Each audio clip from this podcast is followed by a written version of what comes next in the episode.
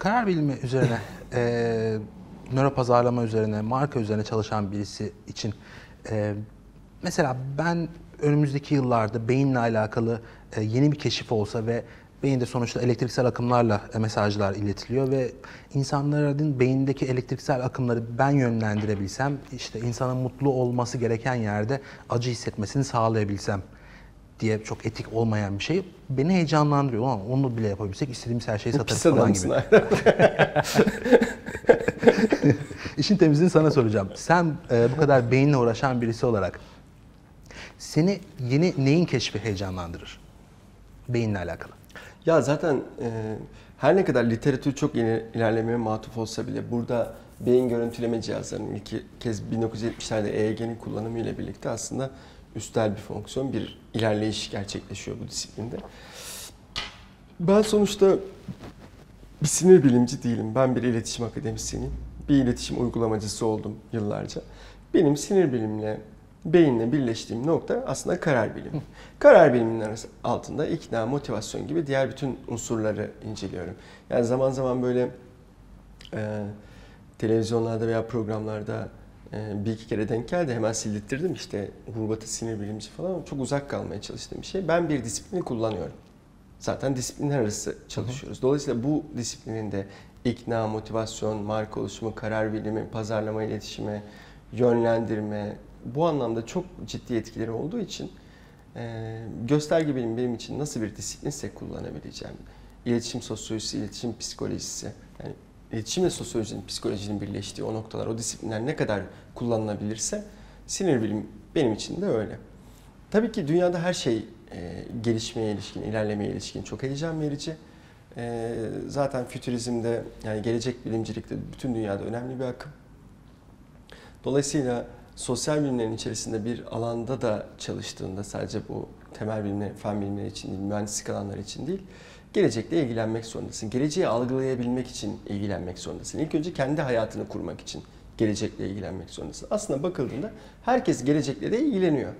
Ya mesela evlilik dediğimiz olgu başlı başına bir gelecek projeksiyonudur. Bir eş seçiyorsun.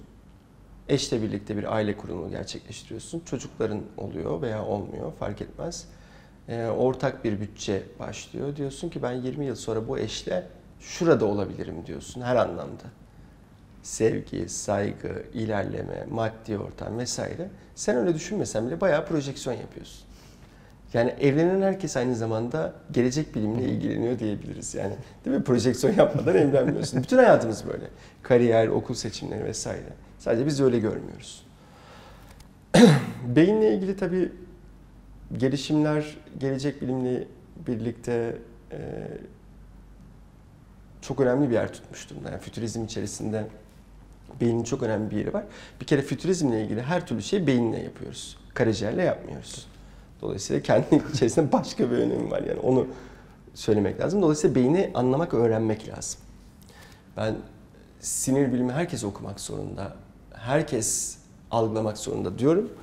Ee, öğrenmeye çalışan öğreticilerde, e, reklam pazarlama e, çalışan bütün profesyonellerde, kişilik profillemesi yapan İK uzmanları da, ürünlerin kendisinin üreticisi olan mühendisler, üretim mühendisleri de mutlaka ve mutlaka beyni tanımak zorundalar. Çünkü ortaya çıkacak ilham verici bütün hayaller beyinle birlikte ilerler.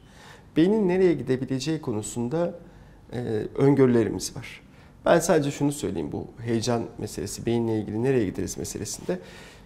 Gelecek bilimi tartışırken mutlaka bu işin bir disiplin olduğunu, bu gelecek bilimin bir disiplin olduğunu düşünüp projeksiyonlarımızı ona göre belirlememiz gerektiğini düşünüyorum.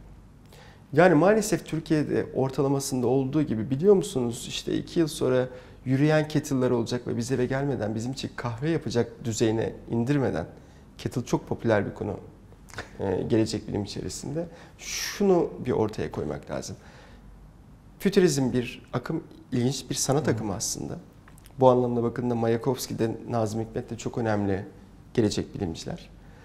Ve bir akımın, bir disiplinin mutlaka kurallarına uygun yorumlanması lazım. Nasıl yorumlayabiliriz? Bir, geçmişe bakacağız. Ve bu gelişimin nasıl olduğunu göreceğiz.